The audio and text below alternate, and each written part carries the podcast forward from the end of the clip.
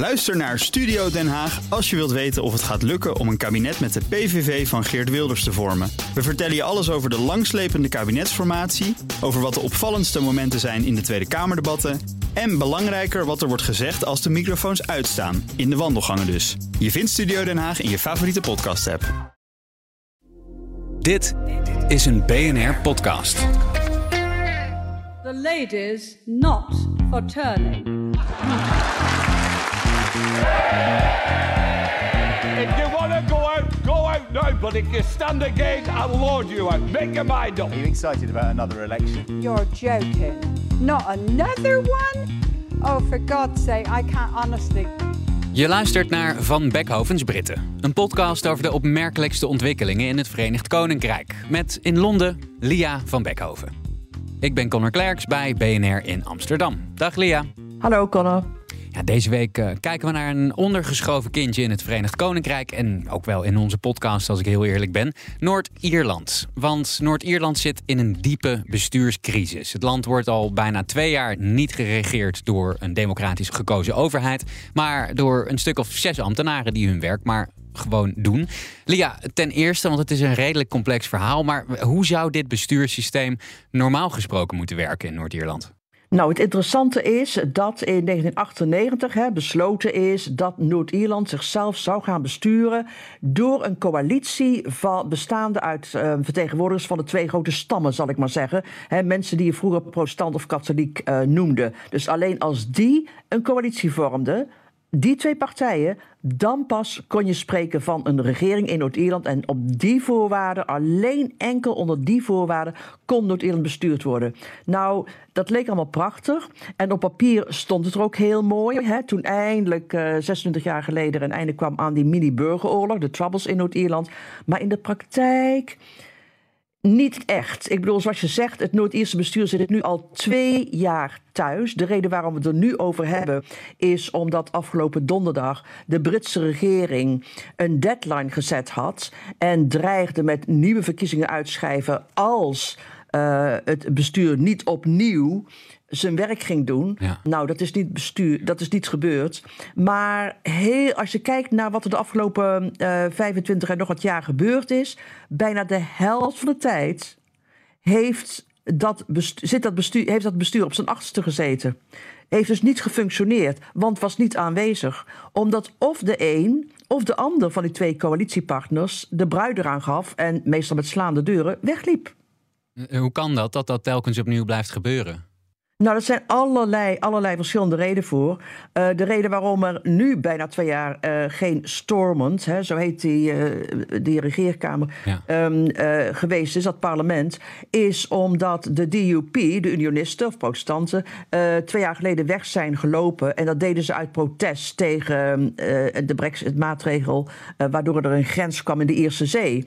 En die grens in de Ierse Zee betekent dat er een onderscheid nu is tussen goederen van Groot-Brittannië naar Noord-Ierland. Die moeten daar namelijk, sommigen in ieder geval, gekeurd worden, gecontroleerd worden aan de grens. Dat pikken de unionisten niet. Want, zeggen ze, dat betekent dat wij, Noord-Ieren, anders behandeld worden door Londen dan Wales. He, er is nu een economische grens en wij accepteren dat niet. Dat is onacceptabel. Dus uh, zij liepen weg. Nou is de grens vorig jaar, of de afspraken daarom, enigszins versoepeld. Dat heet het Windsor Framework. Maar wat de unionisten betreft is het allemaal niet soepel genoeg.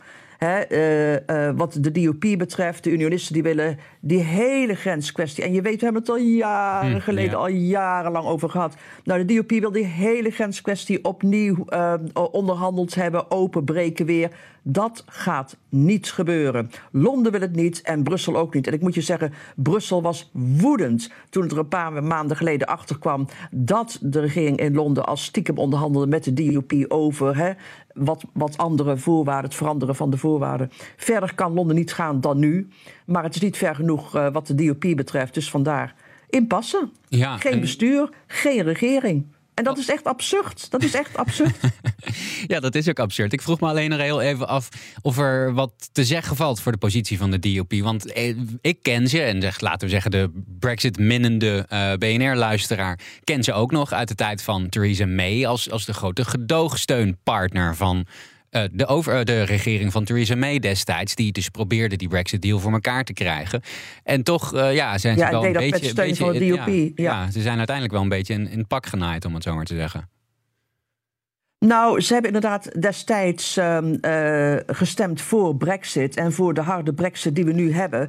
En inderdaad, uh, er, zijn nogal wat Noord-Ieren die zeggen ze hebben zich daarmee in de voet geschoten. Want um, dit is niet goed afgelopen voor uh, de Noord-Ieren van de meerderheid stemde tegen Brexit en voor blijvend lidmaatschap van de EU. Maar ik denk belangrijker nog is echt dat je moet kijken naar wat er nu gebeurt met het bestuur in Noord-Ierland. Hoe kun je dat weer op de rails krijgen? Want ik vind het ook echt um, zorgwekkend als je luistert naar uh, analisten, naar mensen die er wel heel veel verstand van hebben. En die ook zeggen: Ik vraag me af of dat Noord-Ierse bestuur ooit nog, ooit nog um, op de rails gezet kan worden. Hmm. Of het ooit nog zal gaan uh, uh, functioneren. Of dat dit het laatste is. Weet je wat ik ook interessant vond, is dat. Um, de afgelopen week was er ook een hele grote staking in Noord-Ierland. Tienduizenden, sommigen zeggen honderdduizend mensen in de publieke sector, en dat is een hele grote sector in de Noord-Ierse economie, um, legden het werk neer. En je hebt het over een bevolking totaal van 2 miljoen, dus is echt honderdduizend is heel veel. Um, uh, scholen gingen dicht. Uh, het vroeg, herinner ik me nog, er werd niet gestrooid. Openbaar vervoer lag stil. Uh, gezondheidszorg draaide nauwelijks. Alleen in noodgevallen. Verpleegkundigen stonden met spandoeken op straat en zo. Vuilnis werd niet opgehaald. Noem maar op. En waarom staakten die mensen? Omdat hun lonen al drie jaar lang op hetzelfde niveau zit. Er is geen inflatiecorrectie geweest. En waarom niet? Omdat er geen bestuur is. Dan kun je wel zeggen, Londen, doe jij dat dan? Maar Londen zegt, nee, dat is onze taak niet. Wij hebben de DUP een gigapakket van um, uh, ruim 4 miljard euro beloofd waar ze ook uh, uit kunnen putten als het gaat om het optrekken van de salarissen van mensen in de publieke sector. Maar zij moeten het doen en kunnen dat alleen maar doen als er inderdaad een Noord-Iers bestuur, een Noord-Ierse regering is. Ja. Begrijp je? Dus zoals je zei in je intro, Noord-Ierland wordt nu bestuurd door een handjevol ambtenaren. Alsof het schot beter het uh, inderdaad een uh, vroegere Oost-Europese staat hm. is. Um, uh, er zijn een stuk of zes, zeven welwillende autocraten. maar die kunnen alleen die de hoognodige beslissingen nemen. Maar die kunnen inderdaad alleen maar die hoognodige beslissingen nemen. Die kunnen alleen maar pappen en nat houden. Um, die zijn niet bevoegd om de lonen van ambtenaren op te trekken. Dus vandaar dat je echt het gevoel hebt in Noord-Ierland. Dat ik merk dat echt toen ik er een paar maanden geleden voor het laatst was.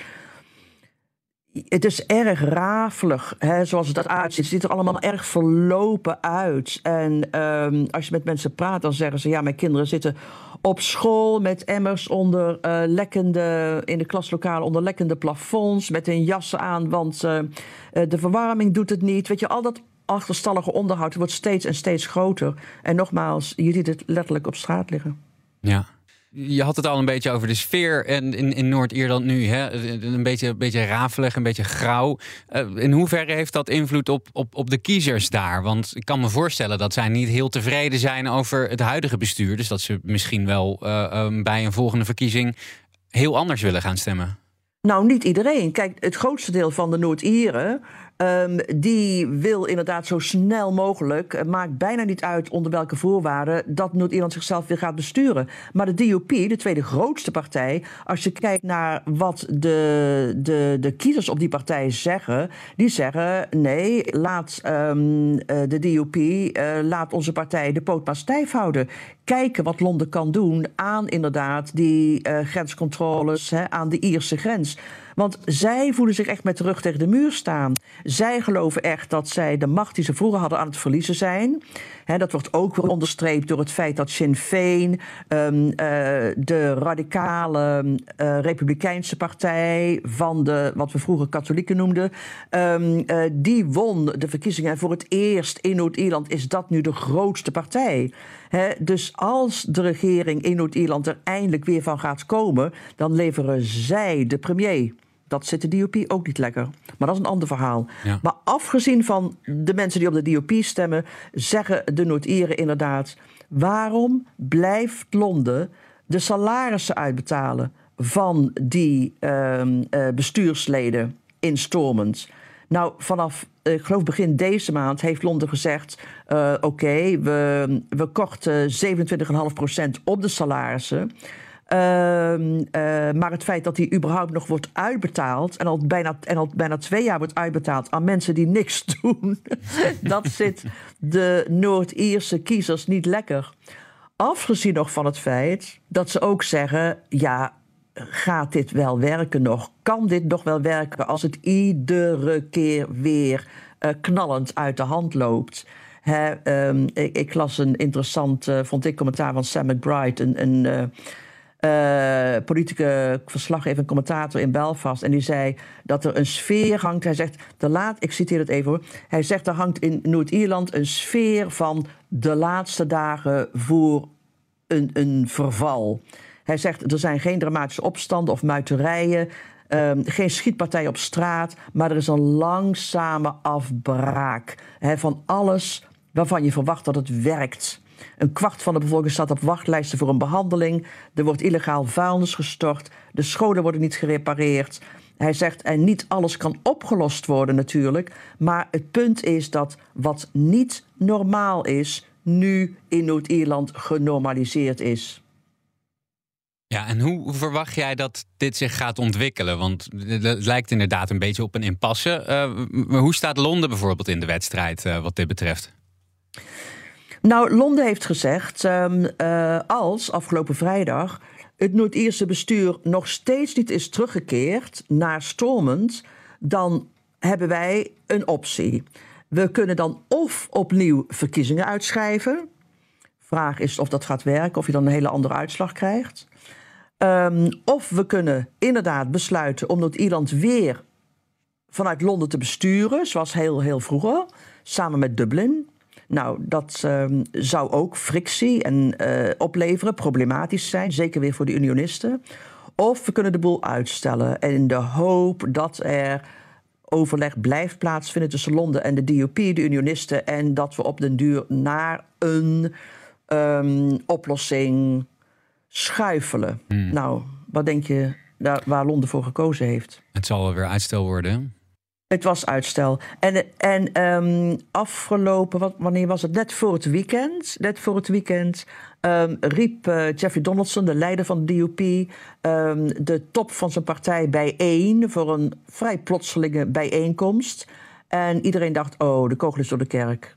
Uh, uh, hij gaat nu zeggen van, nou, er is met Londen een overeenkomst en ik beveel die aan. Maar, en de, de hoop was dat er inderdaad vandaag besloten zou worden dat alles weer terugging naar, naar stormend. Maar sindsdien is er eerlijk gezegd nog is er niks gebeurd. Is er niks gebeurd. Dus nogmaals, Londen hoopt dat, omdat ze de deadline niet heeft verlengd, dat er toch vroeg of laat een doorbraak zal komen. Hoe hoog staat het op de agenda bij Rishi Sunak? Niet. Heel, heel erg laag. Heel, heel, heel erg laag. Uh, niet geïnteresseerd. Uh, maar wel duidelijk is dat uh, Sunak zich niet echt rechtstreeks mee wil bemoeien. Hè. Dat doet zijn vertegenwoordiger op aarde in Noord-Ierland, zal ik maar zeggen. De, de Britse minister die gaat over Noord-Ierse zaken. Ja. Um, misschien, en dat zou ook een reden kunnen zijn waarom de DUP de poot stijf houdt, in de hoop op meer geld los te kunnen peuteren uit Londen. Kan, kan, kan. Um, uh, wellicht dat dat mogelijk is. Um, uh, maar uitstel zoals nu van uh, duidelijke beslissingen in de hoop op een doorbraak binnenkort. Dat is ook de lijn van, van, van.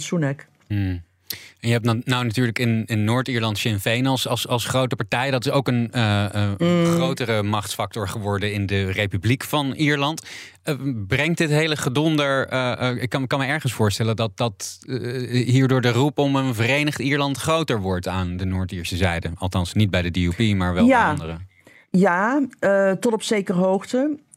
Maar ik denk wat je wel kunt concluderen is um, dat het zelfbestuur, dat de, eh, de glans daarvan af is. Ik bedoel, ik weet niet of je je nog, nog herinnert dat er, wanneer was het, uh, vorig jaar, was er een herdenking hè, van 25 jaar uh, vredesakkoord ja. en dus ook 25 jaar bestuur, zelfbestuur, devolutie, Noord-Ierland. En al die hoofdrolspelers, weet je nog, die kwamen naar Belfast onder andere. Ehm, eh, eerst natuurlijk ehm, president Biden, dat was een heel, heel ding inderdaad. En dat was, die werd heel hartelijk ontvangen, vooral in eh, het zuiden. En ook de um, architecten van het Vredesakkoord van destijds, Bill Clinton kwam. Tony Blair kwam, eh, veel ontvangsten, veel toespraken en zo. Maar ik herinner me toen al dat ik dacht, die stemming op straat, weet je wel, buiten al die recepties, buiten al de zalen. Nee, die was, vond ik, uitgesproken lauw. Echt niet feestelijk. Niet zo feestelijk als je gedacht zou hebben. Um, eh, waren. Hè, en ik denk dat het niet zo feestelijk was, omdat voor de meeste Noord-Ieren stormend dus niet werkte en nog steeds niet werkt. En daarom ook de meest, heel veel Noord-Ieren zich afvragen: heeft deze vorm van devolutie en deze vorm van bestuur de langste tijd gehad? En je hebt gelijk dat een aantal mensen nu kijken naar wat kan anders. En is het zelfs denkbaar dat Noord-Ierland op den duur herenigd wordt met het zuiden, met de Ierse Republiek? Voor sommigen is dat inderdaad iets ja, wat, wat op den duur um, onvermijdelijk zal zijn. Een, een beetje zoals Oost- en West-Duitsland, de hereniging uh, destijds van toen. Um, het is zeker niet ondenkbaar, wat op zich al heel bijzonder is. Want ik herinner me nog ook dat uh, hereniging altijd gezien werd als, als een, uh, een droom van fanatieke uh, republikeinse IRA-strijders, weet je wel. Ja. die het daarna een paar pints in de kroeg over hadden. Maar verder raakte het niemand, want het was echt een droom, een, een vaag ideaal. Um, maar ik moet je zeggen, Brexit heeft dat proces versneld. Nogmaals, Noord-Ierland stemde tegen Brexit. Um, en ook dus het feit dat Stormont gewoon niet functioneert. En wat ook speelt, denk ik, is dat sinds dat vredesakkoord er een ander soort van Noord-Ierse identiteit ontstaan is. He, uh, ik bedoel, nog niet zo lang geleden had je het inderdaad over die twee groepen. Of protestant. Het was gewoon een stammenoorlog. Hè? Of je was protestant of katholiek. Je identificeerde je of met de ene uh, uh, stam, de ene groep, of met de ander. Dat is anders. Er is een demografische verandering. Uh, degenen die geboren zijn na het Vredesakkoord van 98, de zogeheten vredesbabies, uh, uh, die zien zichzelf niet als of protestant of katholiek. Ik bedoel, dat wil niet zeggen dat ze hereniging willen. dat, dat niet. Maar hereniging is niet meer um, vloek in de kerk. dus niet meer het schrikbeeld wat het was van de vorige generatie. om je wat even kijken hoor, ik heb hier wat cijfers. Um, mee, iets meer dan een kwart van Noord-Ieren wil aansluiting bij Dublin. Uh, in het zuiden wil ruim de helft uh, hereniging, dus het opheffen van de grenzen tussen Noord- en Zuid-Ierland. Ja. Maar waar wel een meerderheid is in beide landen, is voor een referendum op den duur, als zou blijken dat er inderdaad behoefte is aan uh, hereniging. He? Dus, en dat, dat verklaart ook waarom er toch op dit moment over gepraat wordt. Ja. Zowel in Noord- als in Zuid-Ierland. Ik bedoel, mensen thuis, in de kroeg, vrienden, verjaardagen. En ook officieel. Officieel zijn er organisaties die dat al plannen. He, die groepen burgers bij elkaar halen en zeggen van als we nou eens uh, het zouden hebben over hereniging, wat denk je dat kan gebeuren? Um, uh, hoe gaat dat eruit zien? En heel veel mensen zeggen bijvoorbeeld, ik herinner me ook, ik had er met een, uh, een unionist over, echt een loyalist eerlijk gezegd, nog niet zo lang geleden. En hij zei, kijk, water bijvoorbeeld, bijvoorbeeld drinkwatermaatschappijen, die werken al samen tussen Noord en Zuid. Dus in praktisch opzicht is er in sommige gevallen al een soort blauwdruk. Ja. Dus die waren niet zo bang voor uh, de mogelijkheid dat het verkeerd zou gaan als het ooit tot hereniging zou komen. En vergis je niet, Noord-Ierland bestaat pas um, iets meer dan een eeuw. Hè? En het is uh, ja, vanaf het moment van zijn geboorte omstreden geweest. Ja, ja, ja. Ja, toch, uh, Lia, als ik je zo die percentages hoor noemen, uh, rond de helft in de Republiek en uh, een kwart in Noord-Ierland, dan is de hereniging nogal heel, heel ver weg. Dan is er nog wel een heel, er moet een hele grote kentering van de publieke opinie komen voordat daarover gesproken wordt. Ja, ja, ja. Maar het interessant, geloof ik ook. Dat geloof ik ook, Connor. Maar ik vind het dus interessant dat het nu een gespreksonderwerp is. Dat Ja. mensen er überhaupt over praten. Hè? Ja. Dat vind ik interessant. N- nogmaals, eh, Noord-Ierland was nooit iets waarvan je zegt, nou dat bestaat en daar hebben we het verder niet meer over. Einde verhaal. Het was altijd omstreden. Dus nu, eh, iets meer dan een eeuw later, ehm, is het ehm, eh, niet eens zo onlogisch dat er inderdaad gepraat wordt over een andere manier van bestuursvorm en dat hereniging een optie is. Zometeen keren we terug naar het Rwanda-plan dat de conservatieve partij nog steeds tot op het bot verdeelt. En dat inmiddels ook in de House of Lords is aangekomen. Nu eerst een korte break.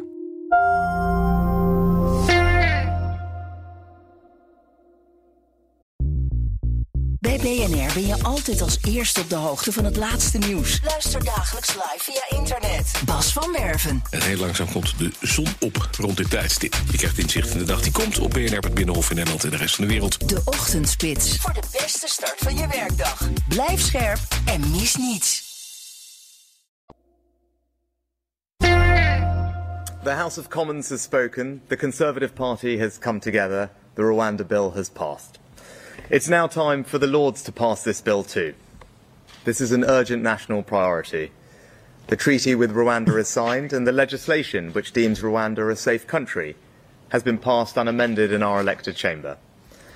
There is now only one question Will the opposition in the appointed House of Lords try and frustrate the will of the people as expressed by the elected House, or will they get on board and do the right thing? It's as simple as that. Ja, er zit een eh, hele hoop in deze quote om te ontleden. Zeg eh, te beginnen met het idee dat eh, het Rwanda-plan van Sunak de wil van het volk is. En, en dat hij zelf natuurlijk ook helemaal niet gekozen is. Maar daar komen we later op terug. Het juiste doen, volgens Sunak, dat, dat betekende dat de Lords in moesten stemmen met zijn Rwanda-plannen. En dan gaat het om het verdrag dat door de conservatieven opgesteld is. Met de diep gekoesterde wens om vluchtelingen naar Rwanda te deporteren. Dat verdrag dat lag maandag voor in het Hogerhuis. Maar de Lords stemden met 214 stemmen tegen 171 stemmen om de plannen te vertragen. Ja, vertragen, was dat een voorspelbare uitkomst, Lia?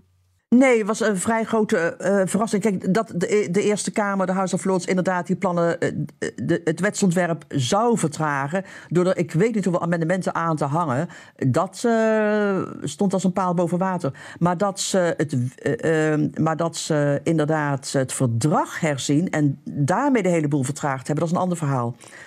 Maar weet je, ik wil het niet zo hebben over eh, Rwanda en eh, de, de uitwerking daarvan en de gevolgen op de Britse politiek. Wat ik zo interessant vind, is ehm, de manier waarop het de politiek beheerst hier en de media beheerst. Ja. En dan vooral over de, eh, de absurde, de, de Alice in Wonderland-achtige aspecten van dit, van dit wetsvoorstel. Ik bedoel, dat wetsvoorstel zelf is niet logisch. Ehm, het is zelfs idioot. ik bedoel, eh, ik heb een paar dingen op een rij. Mag ik, mag ik een paar dingen opnoemen? Brandlos, Lia. Connor, en dan moet jij maar zeggen: oké. Nou, de rechtbank, de Britse rechtbank, de opperste rechtbank bijvoorbeeld, ehm, heeft gezegd: Rwanda is een onveilig land voor asielzoekers. Ja. Ze kunnen daar niet goed omgaan met asielzoekers en ze doen dat eh, op, een, eh, op een manier die vaak niet humanitair is en zeker niet erkend door allerlei internationale verdragen en afspraken. Wat doet de Britse regering? Die ehm, neemt een wet aan waarin ze zegt: Rwanda is veilig. Dus de, de Supreme Court zegt Rwanda is onveilig. En de regering die schuift de rechtspraak terzijde en zegt nee, Rwanda is veilig. Dat is net zoiets als zeggen van s'nachts schijnt de zon, ehm, eh, regen is droog, zwart is wit, Engeland won alle WK's. Eh, Ik bedoel, dit is zo bijzonder en zo vreemd. Het deed mij denken aan Humpty Dumpty, die in eh, Alice, eh, in Through the Looking Glass, die, dan zegt hij... ehm, als ik een woord gebruik, zegt Humpty Dumpty... dan betekent het gewoon wat ik wil dat het woord betekent. niks meer, niks minder. Waarom al dat gedoe? Want als je het hebt over asielzoekers die de Britten eh, van het Verenigd Koninkrijk naar Rwanda willen sturen, dan heb je het over 100, misschien 200 mensen. Meer kan Kigali niet aan. Dan heb je het over een plan dat tot nu toe eh 300 miljoen gekost heeft. waar nog minstens 150 miljoen bij komt en waarbij nog geen één asielzoeker verstuurd is. Ja. En geloof maar niet dat Londen een cent terugbetaald krijgt. en nog gekker, ehm, terwijl dus eh, de regering in Londen eh, van Rishi Sunak volhoudt dat Rwanda een veilig land is voor asielzoekers, heeft hetzelfde Verenigd Koninkrijk de afgelopen twee jaar asiel verleend aan zes vluchtelingen uit. Vul in. Uit Rwanda. uit Rwanda. Het is zo, het, het is zo absurd. Ja. Er is ook inmiddels, eh, las ik een paar dagen geleden, een eh, hangaar afgehuurd eh, in Zuid-Engeland. Een hangaar, ja, die, die wordt meest- meestal gebruikt in filmsets, schijnt. Maar de Britten hebben dus die filmset met hangaar afgehuurd, hebben er een toestel in gekwakt. En alleen maar met het doel om daar beveiligers op te leiden in hoe je zich verzettende asielzoekers het toestel in kan sleuren. Dan, dan- Dus denk je dan, Ja, jongens. ja, wat denk jij dan? Ja, dan moet je je toch echt af gaan vragen. Da- da- da- Dan moet je toch, toch wel even achter je oren krabben, lijkt me. Als je dat, eh, zeg maar, de, de, de, de, de, karikatuur van, van de conservatieve partij als de Nasty Party. Hm. Ja, dat, dan moet je toch wel, wel een wordt beetje hiermee wil je maar waar je zeggen. mee bezig bent, denk ik. Precies. Dus waarom heeft Sunak, hè, wiens eigen adviseurs denken dat de wet maar 50% van, van slagen heeft, eh, waarom heeft Sunak zich zo vastgebeten hierin? Sterker nog, waarom heeft hij dit alsmaar naar voren geschoven en blijft dat doen als pijler van zijn beleid? Ehm, eh, ik denk eh één reden, en dat is een afschrikwekkend voorbeeld. Dat zegt hij tenminste zelf. Eh, dat vind ik ook merkwaardig, want afschrikwekkende voorbeelden die, die hebben de neiging niet te werken. Ik bedoel, als afschrikwekkende voorbeelden wel werkten, dan werd er niemand vermoord, er werden geen misdaden gepleegd, Ja. eh, dan waren onze gevangenissen leeg, dan werd niemand dronken, enzovoort, enzovoort. Dus ik denk, de echte reden is een dode kat. Hmm. Weet je wat ik daarmee De bedoel? strategie van, van, van Boris Johnson om altijd maar over iets, een dode kat op tafel gooien. Juist. En dan gaat het altijd over de dode kat die je op tafel hebt gegooid. En niet over waar het staat. Precies. Ja, ja, ja. Precies, het is een metafoor. Hè? Maar je hebt gelijk. Een jaar of tien geleden schreef Boris Johnson ehm, eh, een verhaal. waarin hij zei eh, dat hij het advies van een vriend opvolgde. Daar, zat, daar zag je heel veel in. En die eh, vriend had gezegd: Kijk, ehm, eh, als je aan het discussiëren bent en je bent eh, het gesprek aan het verliezen. Eh, omdat alle feiten tegen je zijn, dan kun je maar één ding doen. En dat is de koers van het debat heel drastisch en heel dramatisch veranderen. Ja. Door inderdaad een dode kat op tafel te gooien. Want iedereen praat dan over die kat, weet je wel? Mhm. En in het geval van Rishi Sunak betekent dat inderdaad, denk ik, dat Rwanda, Rwanda de dode kat is. Hè, want niemand praat meer over de Britse economie, of over al die gigantische problemen waar wij het vaak over hebben eh, en die niet worden aangepakt. Eh, vanochtend weer eh, hoorde ik een epidemioloog over de terugkeer van Victoriaanse ziektes in Engeland als rickets, weet je wel, wat, wat wij vroeger de Engelse ziekte noemden, Ja. veroorzaakt door gebrek aan, aan voeding, calcium en zo. Rwanda is een afleiding van al die grote problemen. En als Rwanda, als die wet er inderdaad niet doorkomt, dan denk ik niet dat je daarmee van dat hele Rwanda-voorstel af bent.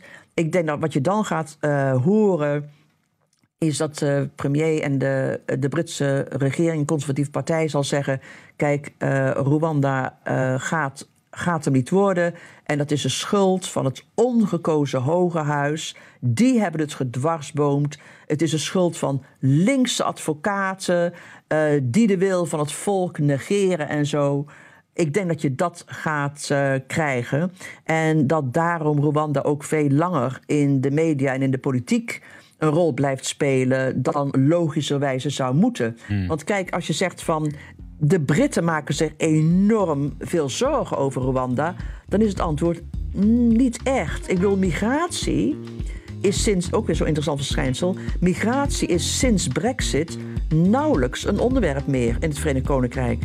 Maar als er voortdurend in de media en de politiek over gepraat wordt, dan stijgt zo'n onderwerp wel in de polls als een kopzorg. Ja. Niet hoog, maar het stijgt niet. Ik bedoel, het staat niet bovenaan, maar het is absoluut wel gestegen. Dus ik denk, dit eh, zwart maken, dit blameren van asielzoekers, van hooghuisleden, van juristen, van linksjournalisten en zo. Dat wordt denk ik toch uh, de teneur van de verkiezingscampagne. Door je katten dus. Dankjewel voor deze week, Lia. Graag gedaan.